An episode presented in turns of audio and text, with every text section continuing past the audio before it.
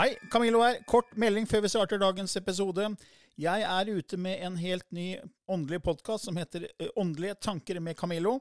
Du finner mer informasjon om den hvis du går til camilloloken.no skråstrek gratis. camilloloken.no skråstrek gratis. Der er det også overraskelser til deg som er fast lytter av mine podkaster. Mom deserves the best, and there's no better place to shop for Mother's Day than Whole Foods Market. They're your destination for unbeatable savings, from premium gifts to show-stopping flowers and irresistible desserts. Start by saving 33% with Prime on all body care and candles. Then get a 15-stem bunch of tulips for just $9.99 each with Prime. Round out Mom's menu with festive rosé, irresistible berry chantilly cake, and more special treats. Come celebrate Mother's Day at Whole Foods Market. I denne podkasten belyser vi temaer innenfor den ikke-fysiske åndelige verden og hva vitenskapen eventuelt sier om dette. Mye av innholdet er basert på vår erfaring gjennom mange år og på informasjon fra ulike kilder. Vi deler her med deg vår sannhet som kanskje ikke er en universal sannhet. Noen av podkastene inkluderer også gjester som deler med seg sin opplevelse av hva som er sant og riktig innenfor disse temaene, noe som nødvendigvis kanskje ikke alltid stemmer med vår egen sannhet. Mer informasjon om vår podkast finner du på andogvitenskap.no. Takk for at du lytter til vår podkast. Før vi starter dagens sending, så har vi en nyhet. 14. januar 2023 så holder Lilly og jeg et dagskurs i Eidsvoll, arrangert av Studio 81. Og her vil det bli påfyll for kropp, sinn og sjel. Hvis du er interessert i å vite mer, gå inn på vår nettside andogvitenskap.no og klikk der på menypunktet Nyhet.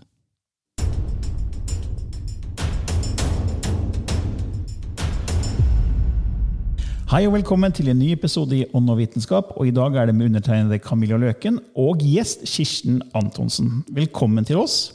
Tusen takk. Jeg syns det du driver med, er veldig spennende. Og Kan ikke du fortelle litt om hvem du er, og hva du egentlig driver med for, for våre lyttere? Ja, det kan du si. Um, altså Det hele starta jo når jeg tok barnevernutdanning som voksen. Og da kom jeg i kontakt med eventyr. Og så ble det òg formidla noe om det psykologiske undertona i uh, eventyra. Mm. Og da var det akkurat som det åpna ei dør for meg. For det hadde jeg aldri tenkt på. Jeg var ikke spesielt opptatt eller interessert i eventyr. Men da blei det hvor, le hvor, lenge siden er det? Du, det var i Skal vi se 90, 96. Oi, det er såpass lenge siden. Det er nesten 30 år siden. Ja. Så da har du holdt på med eventyr, det du kaller eventyrterapi? da? Det er ganske nytt. Okay. Men jeg har brukt eventyr både i Jeg jo, har jobba i rusbehandling. Mm. Og med pasienter og grupper. Og da har jeg brukt mye eventyr og kreative metoder. Så jeg tok også videreutdanning både i muntlig fortelling og kunst- og uttrykksterapi. Mm, så det med formidling har vært viktig for deg i livet ditt? Det har det. Og nå som jeg er pensjonist, har jeg starta eventyrterapi. Så spennende. For nå, ja. For nå har jeg lyst til å formidle mer rundt det spirituelle, åndelige, som jeg etter hvert oppdaga. Det var ikke bare det uh, psykologiske aspektet, men uh, det spirituelle og åndelige dukka etter hvert mer og mer opp.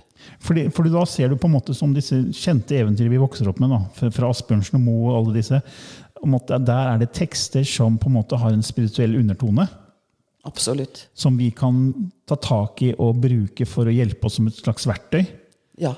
Og eventyr har vært brukt terapeutisk i mange og lange tider. Mm. Men kanskje ikke vært bevisst det spirituelle og åndelige. Mm. Men det har vært mer brukt kanskje som det ja, terapeutisk på en annen måte, da. Mm. Psykologisk. Og jeg tror at etter hvert så ble det også brukt i barneoppdragelse. Men dette her mm. er ikke tekster som er beregna på oppdragelse, men kanskje mer opplysning.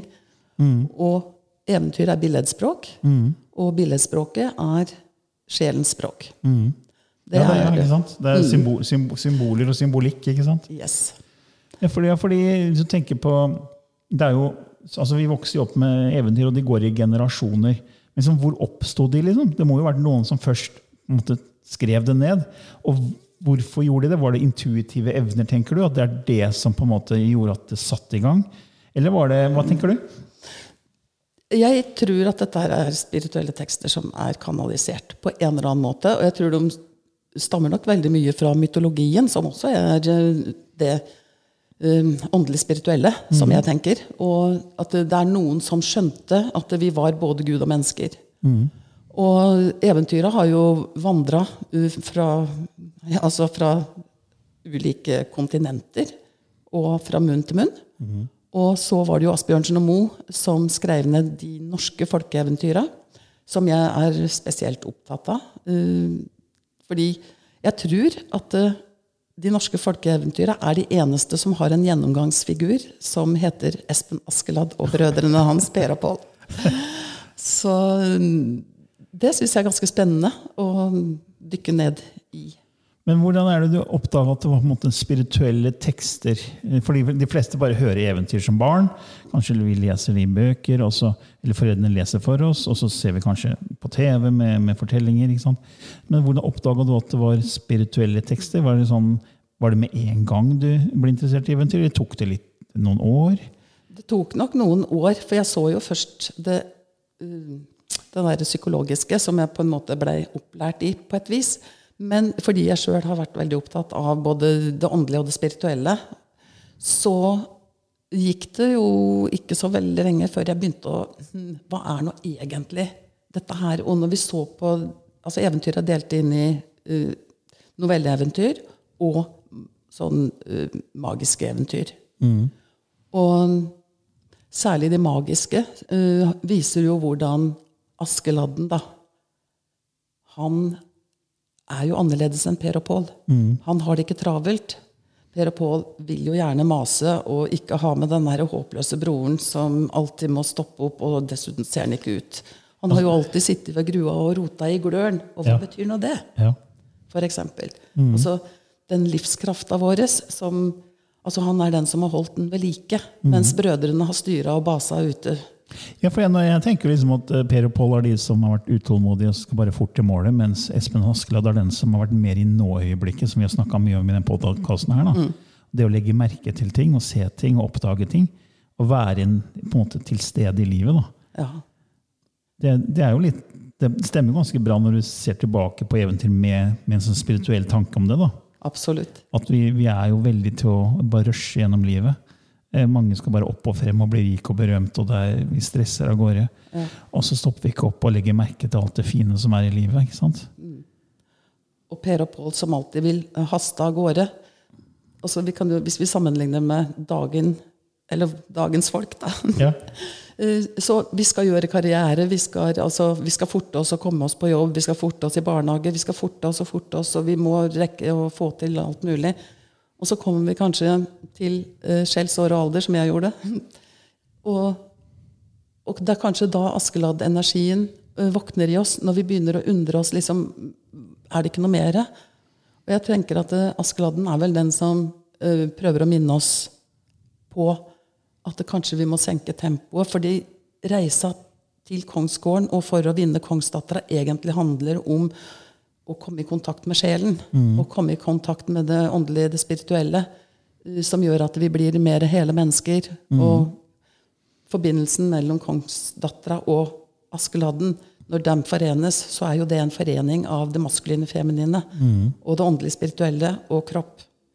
Så jeg tenker at det, når vi forteller eventyr til barn, så burde vi ha mye mer av den eh, tenkinga og forståelsen i ryggsekken, fordi da vil vi formidle det på en helt annen måte. Ja, oh ja, veldig, ja, veldig bra, bra sagt. Det, men har du da tatt for deg eh, mange eventyr, eller er det liksom noen få som stikker seg ut, som du ser veldig tydelig er, har en sånn spirituell undertone? Det er veldig mange. Uh, nesten alle har det. Uh, men det er klart at noen har jeg forelska meg mer i enn andre. Det skal sies. Og prinsessa som ingen kunne målbinde, for eksempel. Altså det at du har en idé om at det ikke går an. Det gjør jo at Per og Pål og mange andre ikke får det til. Og kongen blir jo så irritert på alt dette rennet i kongsgården til ingen nytte, så han sier at nå, den som prøver seg heretter, men ikke får det til, skal svimerkes på begge øra. Ja. Og hvorfor øra? Fordi de har ikke lytta. Og da gjør det vondt. Det er ikke straff Fordi det jo er en viktig ting i eventyret. Dette her handler ikke om straff. Det handler om at når vi ikke lytter, så får vi det vondt. Da kommer ubehaget. Og kongen er vel den som da begynner å nappe i oss ikke sant? når vi begynner å komme til en viss alder, kanskje. ofte. Um, for da kommer det en befaling fra kongen om at uh, noe skal ordnes opp i. Noe må altså Det er noe som må komme på stell. da. Enten det er kongsdatter eller andre ting. Ja, for det jeg sier, Når du sitter og forteller, så kommer det bilder i hodet mitt på det med at vi, vi har jo stengt av, veldig mange har stengt av intuisjonen sin. Vi lytter ikke, som du sier, til, til den indre stemmen, den indre følelsen. Ja. Og i Før i tiden så var jo folk mer i kontakt med naturen, for det var ikke så mye støy i, i, den ytre verden som tok vår oppmerksomhet. Og nå føler jeg liksom at det, det digitale verden har slukt oss nesten. Og jeg ser barn som vokser opp, de, de har jo ikke tid til å lytte. De har ikke tid til å gå inn. Det er bare ut. Det er bare hele tiden ut, ut, ut. ut. Så liksom, og jeg har aldri tenkt på det du sa om at det må svi i øret, at det kanskje det er en symbolikk for at vi må være flinkere til å lytte. Men det var veldig interessant når du, når du nå kommer med sånne type sammenligninger. Da. Ja. Og det er jo sånn at eh, det, det er ingenting i eventyra som blir brakt inn hvis det ikke har en mening. Det var noen som spurte meg en gang ja, men hvor, hvor er eh, dronninga. Ja. Nei, men hun har ingen funksjon. Og da er, det, da er det ikke noe tema. Men hun har antagelig født ei datter. Tydeligvis. Men, så, men, men går du da også gjennom tekstene, og liksom, både sånn den røde tråden, men, men også da på karakterene og teksten, og tar for deg og liksom bryter det ned? da? Ja. Man kan du ta et annet eksempel på et annet eventyr, som, som er din, en av dine favoritter? ja, jeg kan jo ta f.eks. et som de fleste kjenner, og det er jo uh, Askeladden og de gode hjelperne. Og Da er det også kongen som sier at han vil ha et sånt skip som kan gå til lands og til vanns og i lufta med. Og den som skaffer ham det, skal jo få kongsdattera og halve kongeriket. Det er en uh, svært attraktiv uh, gevinst. Og så Hva er det som skjer? Jo, mange prøver seg. Men Per og Pål skal også ut. Og så legger de av gårde med nisteskreppet og det hele. Møter en eh, gammel, litt sånn unnselig, litt sånn Guds benådet, står det i teksten. Kall, som står i Vegaveita, som vi sier på Toten. og spør, da, hvilket ærend er du ute i? Ah, nei, jeg er bare på vei opp i skauen og skal lage trøv åt far min. For han vil ikke sitte og spa, spise sammen med oss lenger. Mm, trøv skal bli, sier den gamle. Men hva har du i sekken din? Ikke noe særlig. Det er bare møkk. Mm, møkk skal bli, sier den gamle. Og så går jo Per opp i skauen og begynner. Og eneste han klarer å lage, det er trau. Og trau og trau og trau. Han blir sliten, han vil ha nista si. Og hva er nista? Møkk. Så han går sint hjem. Og det samme skjer jo da med Pål. Og hva er møkk? Når du kaller det du har i sekken din, når du, det du har med deg som livserfaring, når du kaller det møkk, så blir det møkk. Dette er loven om tiltrekning. Absolutt. Og når du ikke klarer å lage noe annet enn trau, det er jo gamle mønster, så kommer Espen og møter den samme. Og han sier 'Å, nei, jeg skal opp i skauen jeg, og lage et skip som kan gå både til lands og til vanns og i lufta med.' Ja, for det har kongen lovet. At uh, om noen eh, gir han et slikt skip, så skal de få kongsdattera og halve kongeriket til Ivenes. Ah, sier du det? sier den gamle. Men hva har du i skreppa di? Ah, det er ikke rart, men eh, det skulle nå mest som være ei niste. Det er bare en eh, gammel, tørr brødskalp og en doven øltår. Ja, deler du med deg? Nei, så skal jeg hjelpe deg, sier den gamle. Og så gjør de det, og så går de også opp i skauen. Og det Espen får beskjed om, er at han skal hugge ei flis ut av en eikestamme og sette den på plass igjen. Så skal han legge seg og sove. Og de fleste som har hørt dette eventyret, vet jo at eh, han kan ikke våkne før skipet er ferdig. Han hører at det bråker og baser, og når han blir vekt av den gamle, så står skipet der. Så får han også beskjed om at han skal ta med seg de som vil være med i skipet. Og han får jo med seg de underligste figurer. Og dette her er jo loven om tiltrekning. Dette her er jo, altså Askeladden han våger å si det. Dette er ikke noen vanlig mann. Dette her er ja, om det er sjelsaspekt eller intuisjon eller hva det er som alle kan møte, men vi feier det unna. Ikke sant? Sånn som Per og Pål.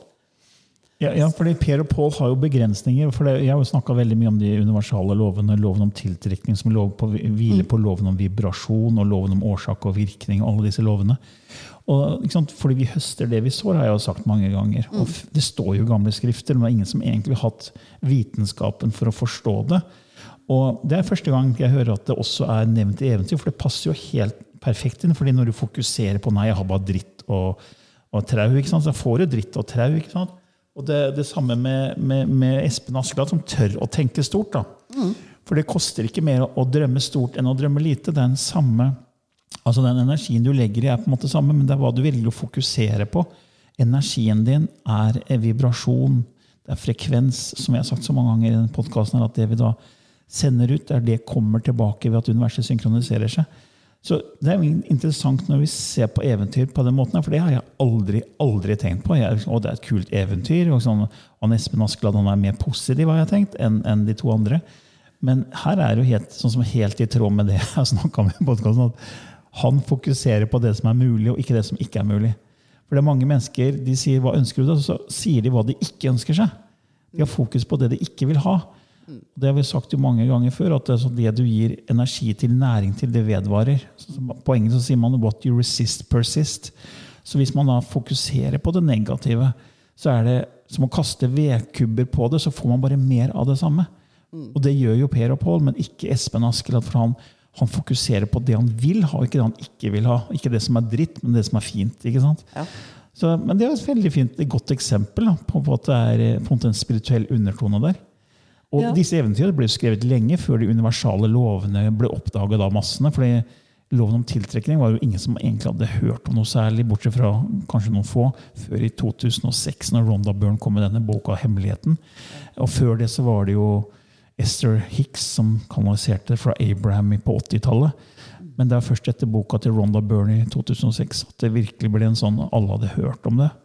Eh, Og jeg må si at jeg visste ikke om de lovene før jeg faktisk leste 'Hemmeligheten' da, i, i 2006. Så um, men selvfølgelig de som har kanalisert informasjon og holdt på med det her i årevis, de har jo hørt om det. Men, men det, det er interessant at disse eventyrene har tatt på en måte det inn i tekstene. Eh, og hvis man da ser tilbake når, man har den forståelsen av universale lover, så ser man ja, men det stemmer jo. Så, men det kanskje ikke de visste om de som skrev de visste kanskje ikke om disse universelle lovene, men de visste at det handler om å ha fokus på, på riktige ting. Ja, og De som skrev det ned, det var jo Asbjørnsen og Mo. Ja. Og for før det så gikk det jo på folkemunne. Og i riktig gammel muntlig fortellertradisjon så skulle jo ingenting forandres. Men jeg tror nok at det, uh, dette her har endra seg noe på ferden fra andre kontinenter og til de norske dype skoger, hvor troll kanskje ble mer aktuell å bruke som altså Som jeg ser på som den indre negative stemme. Den som sier at du ikke får til. Og den som prøver å skremme oss fra å gjøre noe, det er jo trolla. Uh, I andre kulturer så har du kanskje slanger og drager, ikke minst. Ja, ja. Sånn at uh, Vi har jo også et eventyr i Norge som omhandler drager, og det er jo gutten som gjorde til seg, seg til løve, falk og maur. Det var et veldig spennende eventyr. Altså, det var kjempespennende. Men, men tror du Asbjørnsen og Moe farvet litt av tekstene med sin egen forståelse? Jeg tror det ble farva av den tidas forståelse, fordi at eh, noen av tekstene ble jo endra litt på nettopp pga. at det var, eh, det var jo i eh, den her danske unionstida i- på midten av 1800-tallet at eh, de var rundt omkring. Og jeg veit jo at eh, prinsessa som ingen kunne målbinde, hun sa ikke 'det heiter i grua' når eh, gutta kom inn for å gjøre sine hoser grønne hos henne. Eh, Da sa hun egentlig 'det heiter i ræva mi'. Som var liksom pynta på? Ja. Ja. Så, Men Tenker du at de på en måte var litt spirituelle, Asbjørnsen og Moe? så Mo var jo prestesønn, og ble jo prest etter hvert. Eh, og så han var nok opptatt av de mest opptatt av de spirituelle. Men om han skjønte at dette var loven om tiltrekning så Jeg tror han hadde mer sånn mm, Kanskje sansen Men dette er jo hva jeg tror, da. Ja, ja. Altså sansen for mm, den litt sånn kristne undertona.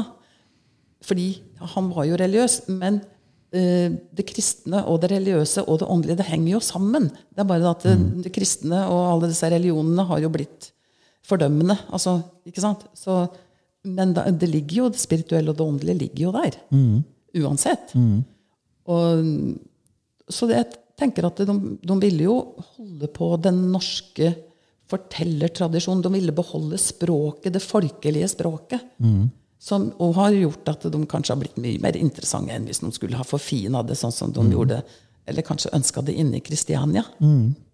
For da hadde det ikke blitt den samme kulturen og dette her språket, da. Men er, med mange av de norske folkeeventyr, er også, finner man det også i utlandet? Mange av de samme typene? liksom? Ja, eh, du kan finne mye likhetstrekk eh, gjennom ulike kulturer, da. Så, men de har jo klart helt Altså, de har likevel forskjellige språkdrakt og forskjellig De har på en måte en annen innpakning, for å si det på sånn. Da. Mm. Ja, sånn at det har blitt fornorska, da. Men du, du ser eh, mye likhetstrekk. Så det er en slags moral i Det er jo det i moral i alle eventyr, egentlig. Men det, som det er første gang jeg tenker over at det kanskje er en spirituell forståelse av det. Da. Så det er, det er interessant. Men hva da med Har du enda et eventyr du kunne tatt eksempel på?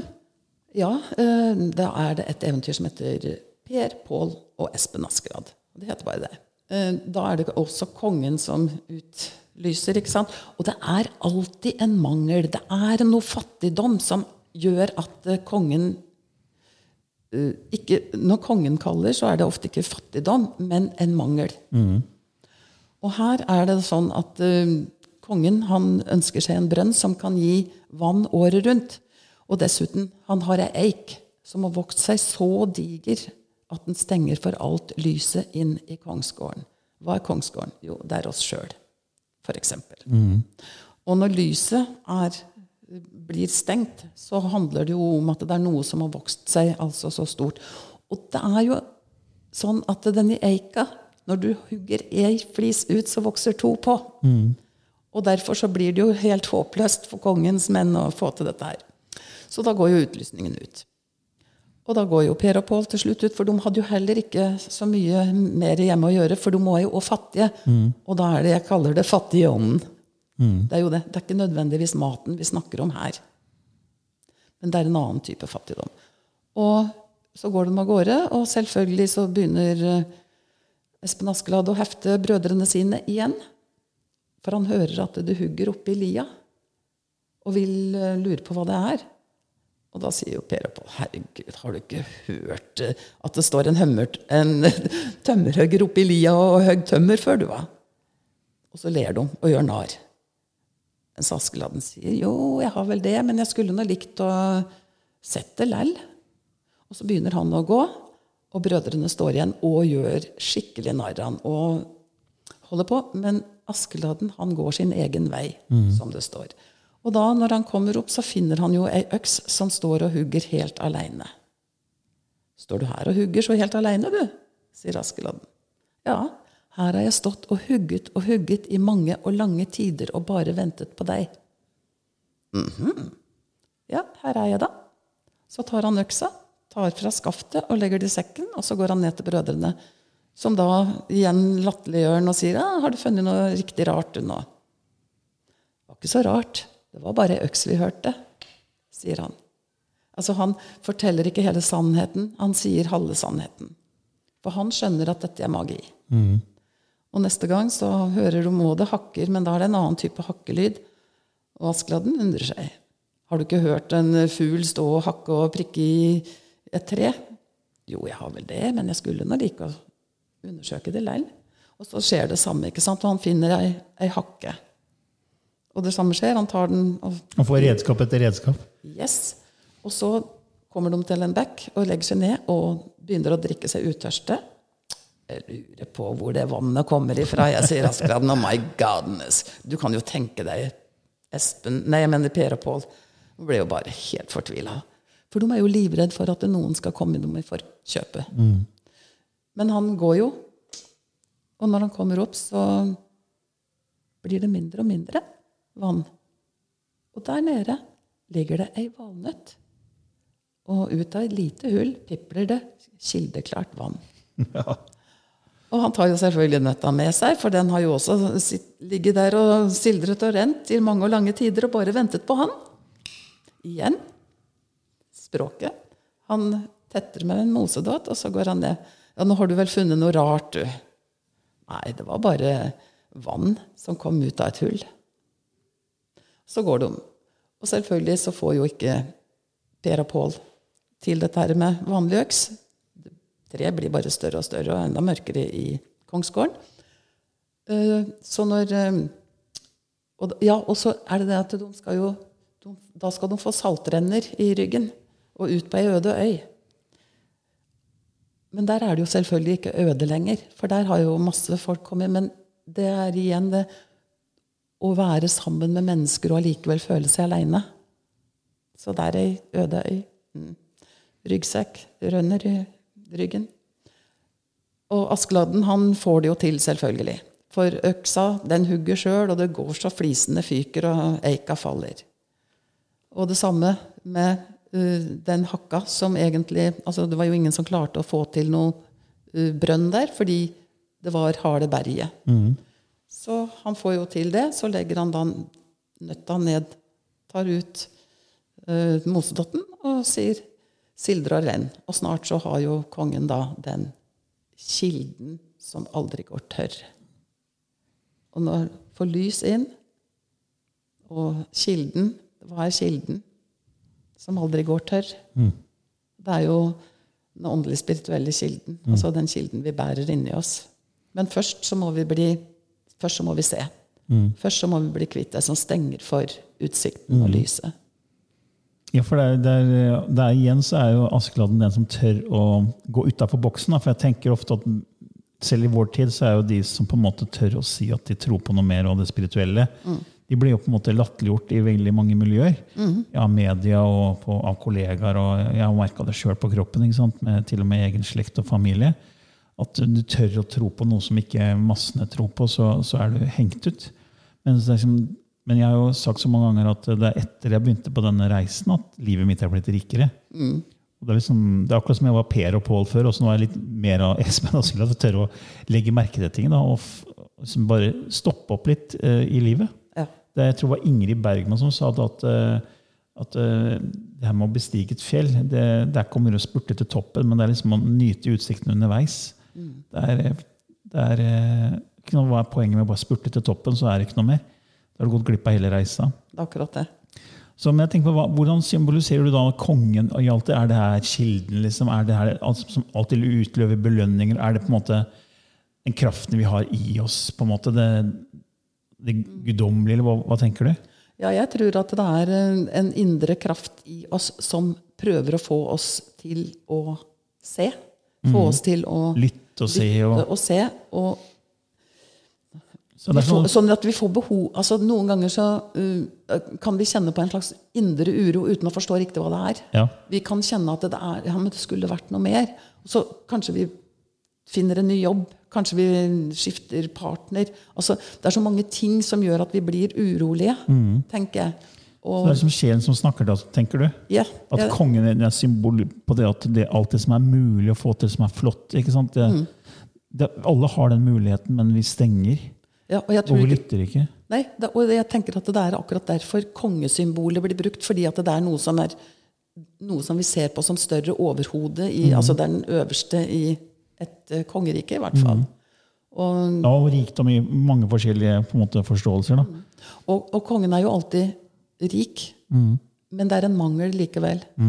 Og I andre eventyr så er det sånn at uh, fattigdommen var så stor at uh, Per og Pål og Espen og mange andre dro ut for oss å finne lykken. da.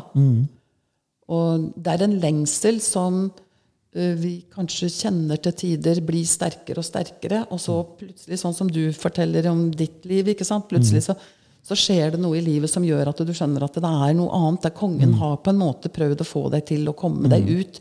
Og kanskje måtte kongen Kanskje var du Per og Pål lenge før du klarte å få mer kontakt med det spirituelle, sjelelige, som Askeladden på en måte er en Ja, for jeg, jeg har merka stor forskjell på det her med indre ro før og etter. da. For jeg var, jeg var veldig den som bare skulle følge karriere og ja, tjene mer penger, mer bonus. Det var egentlig bare fokus på meg og familien og, og, og jobben. liksom. For bare å tjene mest mulig og ha mest mulig ting. Ja. For det var det jeg hadde blitt lært opp til. Det var liksom det sånn du skulle sikre deg å få et fint liv. Og det tror jeg mange egentlig blir lært opp til. Så vi blir på en måte lært opp til å være Per og Pål. Og så er jo egentlig det mest rik, Det som er mest rikt, da, er jo å være Espen Askeladd. ikke sant? Det er jo det. Og det, det, jeg merker at jeg har blitt mye roligere etter at jeg begynte på den spirituelle reisa. Ja. Det blir ikke sånn fordi nå har jeg jo et helt annet syn på det med døden også. Jeg, ikke, jeg vil jo ikke si at jeg egentlig er redd for å dø. Det vet jeg jo ikke før jeg kommer til en sånn situasjon hvor jeg kanskje skjønner at jeg skal dø. Men i hvert fall sånn som jeg tenker nå, så tenker jeg at jeg fortsetter Eller ikke jeg, da, men essensen av det jeg fortsetter. Og da når du tenker det, så, så kan du på en måte slappe av mer og nyte mer av nå uten å stresse. Da. Fordi det handler aldri om å bli ferdig med ting. Det handler bare om å nyte hvert øyeblikk. da. Fordi mange tenker at de skal skynde seg gjennom livet. Altså, det er akkurat som om folk har så dårlig tid. Eh, og, det er, og jeg ser liksom hvordan tiden for folk Folk stresser mer og mer av at det er sånn krav. liksom. Man skal ha så mye forventning, man skal være så mange forskjellige roller. Man skal være god på alt, liksom. Ja, og det blir jo et sånn stress etter å matche alt og alle. Og tilfredsstille alle, og så mister en seg sjøl på mange måter. Og det tenker jeg handler mye om uh, at vi har ikke blitt opplært i noe sånn god spirituell, åndelig tro heller. Vi bruker jo ikke den Det er jo, som du nevnte tidligere her, altså det blir jo sånn latterliggjort. Ja. Og selv om du kanskje vokser opp i et eh, åndelig, spirituelt hjem, så har du jo det som er utafor, som de unge, barn og ungdom i dag skal prøve å henge med på. Og da ofte så vil en jo I hvert fall har jeg opplevd det sånn òg. Dette er at du fornekter dine foreldre og det de står for, på mange måter. da. Fordi du, du vil henge med dine. Og, og det tror jeg er en helt naturlig del av prosessen. Og det å være menneske. Vi skal jo vite hvordan det er å være menneske. Akkurat som Per og Pål. Så ser jo jeg på alle disse figurene som opptrer i et eventyr, er delpersonligheter av oss sjøl. Ja, ja. Som også speiler den ytre virkeligheten, men det er også min indre virkelighet. Da. Og det er derfor jeg tenker at uh, det kan brukes uh, terapeutisk også. Eh, på en helt annen måte. Som, For det er der, der du kom inn med det du kaller eventyrterapi, som du begynte med for noen år tilbake. Kan ikke du si litt mer om hva, hva det egentlig eventyrterapi er? jo, da kan jeg si at det, det starta jo egentlig med 'Prinsessa som ingen kunne målbinde', fordi eh, Espen han eh, finner jo både den døde skjærungen, og så finner han masse ja, forskjellige søppelting. da. Altså Det er bruddstykker av noe. Eh, og han samler opp alt dette her, mens brødrene sier 'æsj, det er søppel, kast det'. Ja. Som jeg tenker at det, når vi finner noe i, i det ubevisste, kanskje, det som vi har på en måte fortrengt, altså en død skjærunge, hva er nå det? Det er en unge. Den er svart og hvit. Skjøra er veldig intelligent. eh, Og den er rampete og ertete, og den stjeler og gjør mye ugagn. Så jeg tenker at eh, ja, vi er vel sånn at vi har noen døde skjærunger med oss. Hvor vi har fått kjeft, vi har fått straff, vi har blitt behandla urettferdig. Både av foreldre, søsken osv. Og, så. Og så vil han ta opp den og se på den. Han har gjort det første trinnet til å bli bevisst noe som ligger der.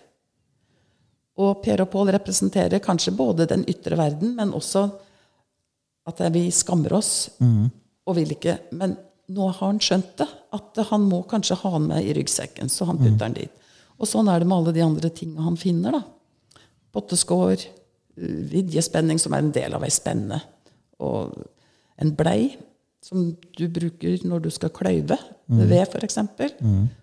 Og så kommer det ja, bukkehorn. Ja.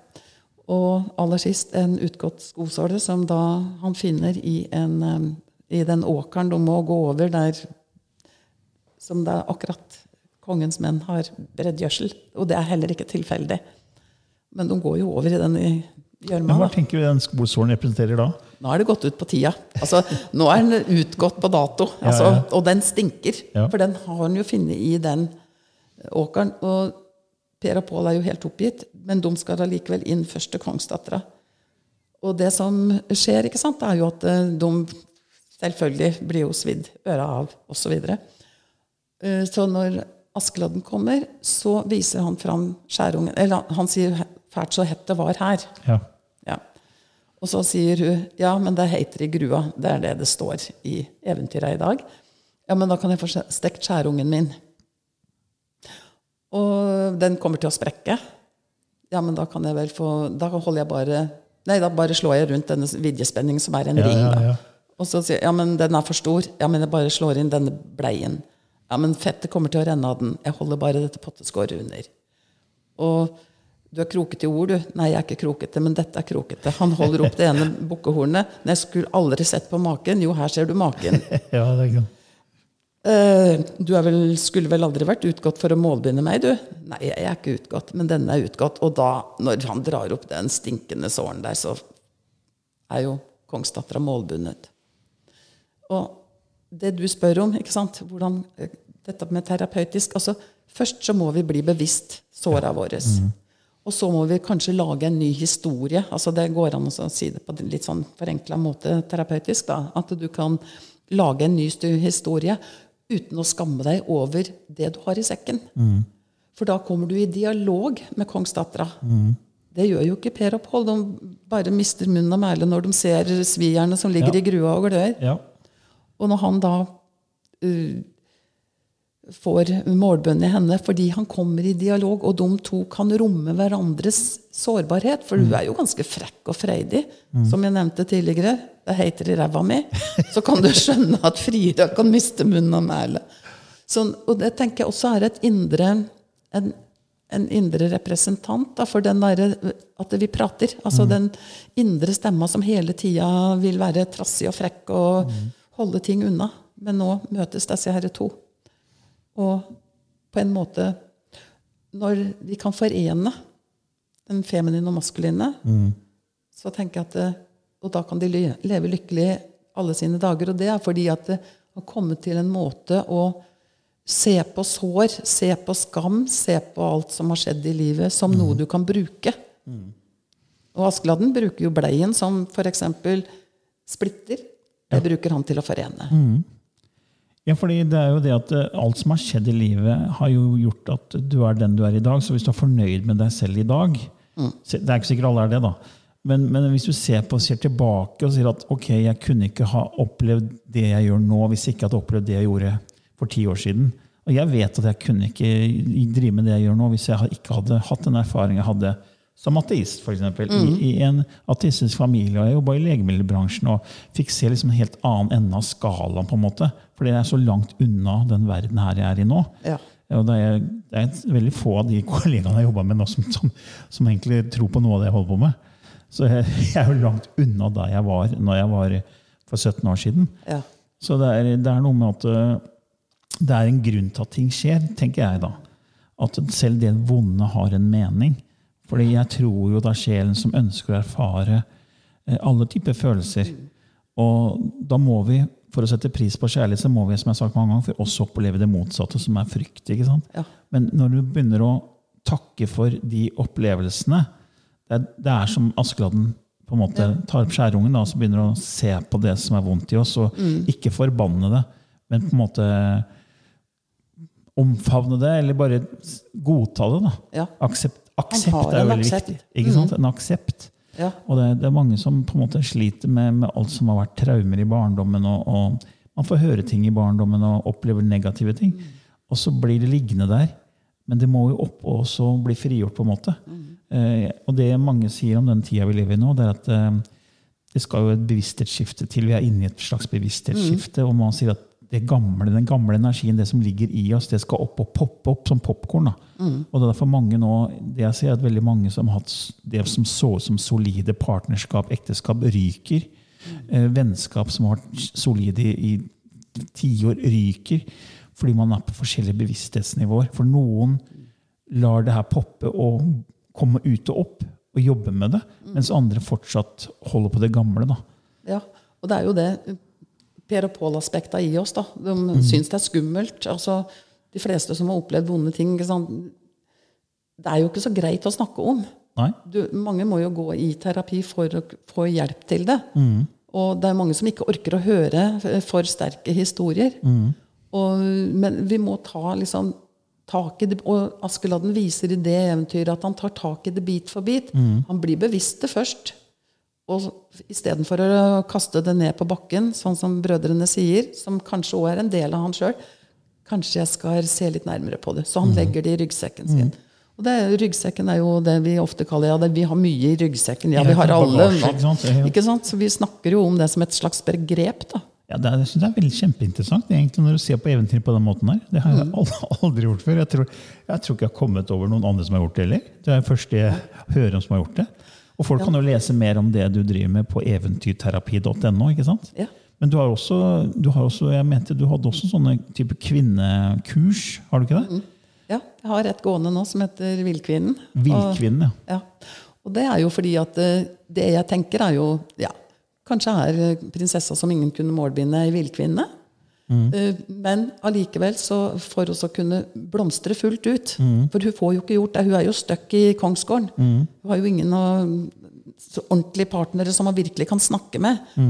Og det er det jeg tenker at det, å få mer tak i det som hvisker i oss, og få tak i det som virkelig prøver å få oss ut til å handle. Og gjøre noen nye grep i livet og begynne å lytte mer innover til seg sjøl. Tenker jeg at det, vi har den villkvinnekrafta i oss, altså sjelekrafta, den åndelige, spirituelle, som bare gjør at livet blir magisk. Og det er utrolig spennende å høre hva andre kvinner sier om egne opplevelser og erfaringer. eh, som kan være å finne magiske ting. Fordi du kan finne de magiske tinga eh, imaginært, ikke sant? Du kan sitte og du kan imaginært snakke med en død person. Behøver ikke å ha den personen foran deg, selvfølgelig ikke når den er død. Men på en måte sitte og gjøre en seremoni eller en samtale, og du kan få de svara du ønsker å få, fordi du sjøl kan begynne Eh, En gang så var jeg på et sjaman-gathering på Harestua. Og da var det ei som fortalte at eh, hun hadde hatt det veldig veldig vanskelig med sin far. Så hadde hun vært hos en sjaman, fått hjelp til å snakke med faren sin imaginært. Og så plutselig så skjer det at hun får kontakt med faren, og han er vennlig, og han du, De får kjempekontakt. Og det er jo det som du òg nevnte på tidligere her, dette her med eh, at det er energi. Og det er så mye kraft i den energien. Vi kan virkelig gjøre magiske ting hvis vi tar i bruk den evnen. Du kan ha usynlighetskappe og virkelig se for deg hvordan du er usynlig når du går kanskje i områder hvor du helst ikke vil bli sett, eller på en eller annen måte. Så jeg har mange eksempler, jeg har ikke så veldig mange for min egen del, men jeg har hørt mange fordi jeg har vært i det spirituelle i veldig mange år. Så da får en høre ganske mange fine Ja, og det, fordi du tenker at det, det handler jo om å på en måte gå mer inn, fokus innover. Det er jo Stillhet er viktig. og egentlig, Jeg pleier å kalle det å dempe støyen fra den ytre verden, for det er så mye støy nå. Og jeg kutta jo ut å lese nyheter her for mange år siden, for jeg føler at det er så mye negative nyheter som, som forstyrrer tankene mine. Og sånn, og jeg går mye i skogen, for det gir meg stillhet. Og det, så vi blir for, for Hvis vi ikke gjør det, så blir vi så veldig fanga av den ytre verden. Og det går jo tilbake helt til Platons tid, med den Platons hule. Hvor du, hvis ikke, de som ikke kjenner til det, da, så Man ser da en tegning, man kan søke det opp på Google. Man, man, hvis man bare søker Platons hule, så ser man da da sitter det mennesker og ser på skygger på en, en, fjell, på en vegg inni grotta der, som er skapt da av eh, Det er en illusjon, ikke sant? for det er jo disse figurene som er bak de menneskene som lager, som, som lyset kaster skygger på fjellveggen, så er så mesmerized, som det heter på engelsk. De blir jo så bergtatt av det som skjer på denne veggen. ikke sant? Og så er på en måte fanga i denne hulen. og så bak Hvis de hadde bare snudd seg hadde sett at det er en åpning og lys, så du kunne gå ut av hulen og se en hel annen verden. ikke sant? Ja. Og det, så allerede der så Det er jo mange tusen år siden. Så, så, så var jo det her med fokus, se, oppmerksomhet innover. ikke sant? For det åpner opp en forståelse at eh, det er ikke bare den fysiske verden her, det er også den ikke-fysiske verden som er i oss. Den åndelige. Sokrates ville jo at ungdommen skulle se det og forstå det. Han måtte jo bøte med hodet. Og Platon, ja, innvia. Ja. Altså det, her- det her, så jeg tror eh, det, det er mange gjennom historien som har prøvd å vise folk at det er mye mer. Jeg vet at eh, Rhonda Byrne, som skrev Secret, da, det, hemmeligheten i loven om tiltrekning, hun fikk jo en bok av datteren sin når hun var langt nede, fra en mann som het Wallace D. Wattles. Han skrev jo den boka i, 2000, nei, i 1910. Og Den kalte den 'Science of Getting Rich'. og Det er det som ble grunnlaget for å skrive det, hemmeligheten. Og den boka, han, Der snakker denne mannen altså tilbake i 1910 om en kraft hvor vi kan påvirke. Hvis vi gir nok fokus til det, nok energi til det, så vil det komme tilbake. Han snakker egentlig om loven om tiltrekning tilbake i 2010 Ja. i denne boka. Wallace D. Wattles. Så han hadde en helt fantastisk forståelse av, av skapelsen, syns jeg. da. Ja. Og han sier at det er, det er et stoff som gjennomsyrer hele universet, og det kan du påvirke med det du gir energi til. det du tenker. Liksom, Ja. There is a thinking stuff permeating the universe. Han, helt fantastisk. Så jeg tror det har gått gjennom i mange, mange flere hundre, kanskje tusen år. Ja. og at eventyr er en del av et verktøy for å hjelpe oss. da. Ja, og som er det folkelige verktøyet. Mm. Fordi uh, mennesker hadde jo ikke tilgang til skrifter, og det religiøse de hadde ikke tilgang til guruer, skulle jeg ha sagt. Altså, De hadde jo ikke folk på landsbygda, folk Mm. Ja. rundt omkring i land, land og strand rundt. Sånn at det, da ble eventyra ble på en måte det åndelig-spirituelle Mm. uh, tilfanget. De kunne få noe næring til sjelen. da. Selv om de ikke forsto det Mm. Mm. fullt ut, så ga det håp.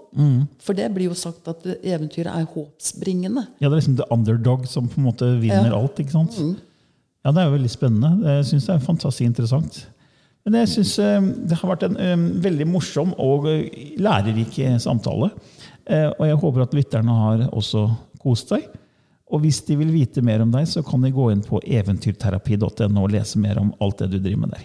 Kan du. Og jeg kommer gjerne hjem til folk som vil ha eventyr, og kanskje lage en workshop eller For det er kjempespennende. Og så er det mye mer lekent enn å gå i terapi. Ja, veldig bra. Vel, tusen takk for at du kom, Kirsten. Tusen takk for at jeg fikk lov å komme. Det var kjempestas. Ha det bra. Mom deserves the best, and there's no better place to shop for Mother's Day than Whole Foods Market. They're your destination for unbeatable savings, from premium gifts to show-stopping flowers and irresistible desserts. Start by saving 33% with Prime on all body care and candles. Then get a 15-stem bunch of tulips for just $9.99 each with Prime. Round out Mom's menu with festive rosé, irresistible berry chantilly cake, and more special treats. Come celebrate Mother's Day at Whole Foods Market.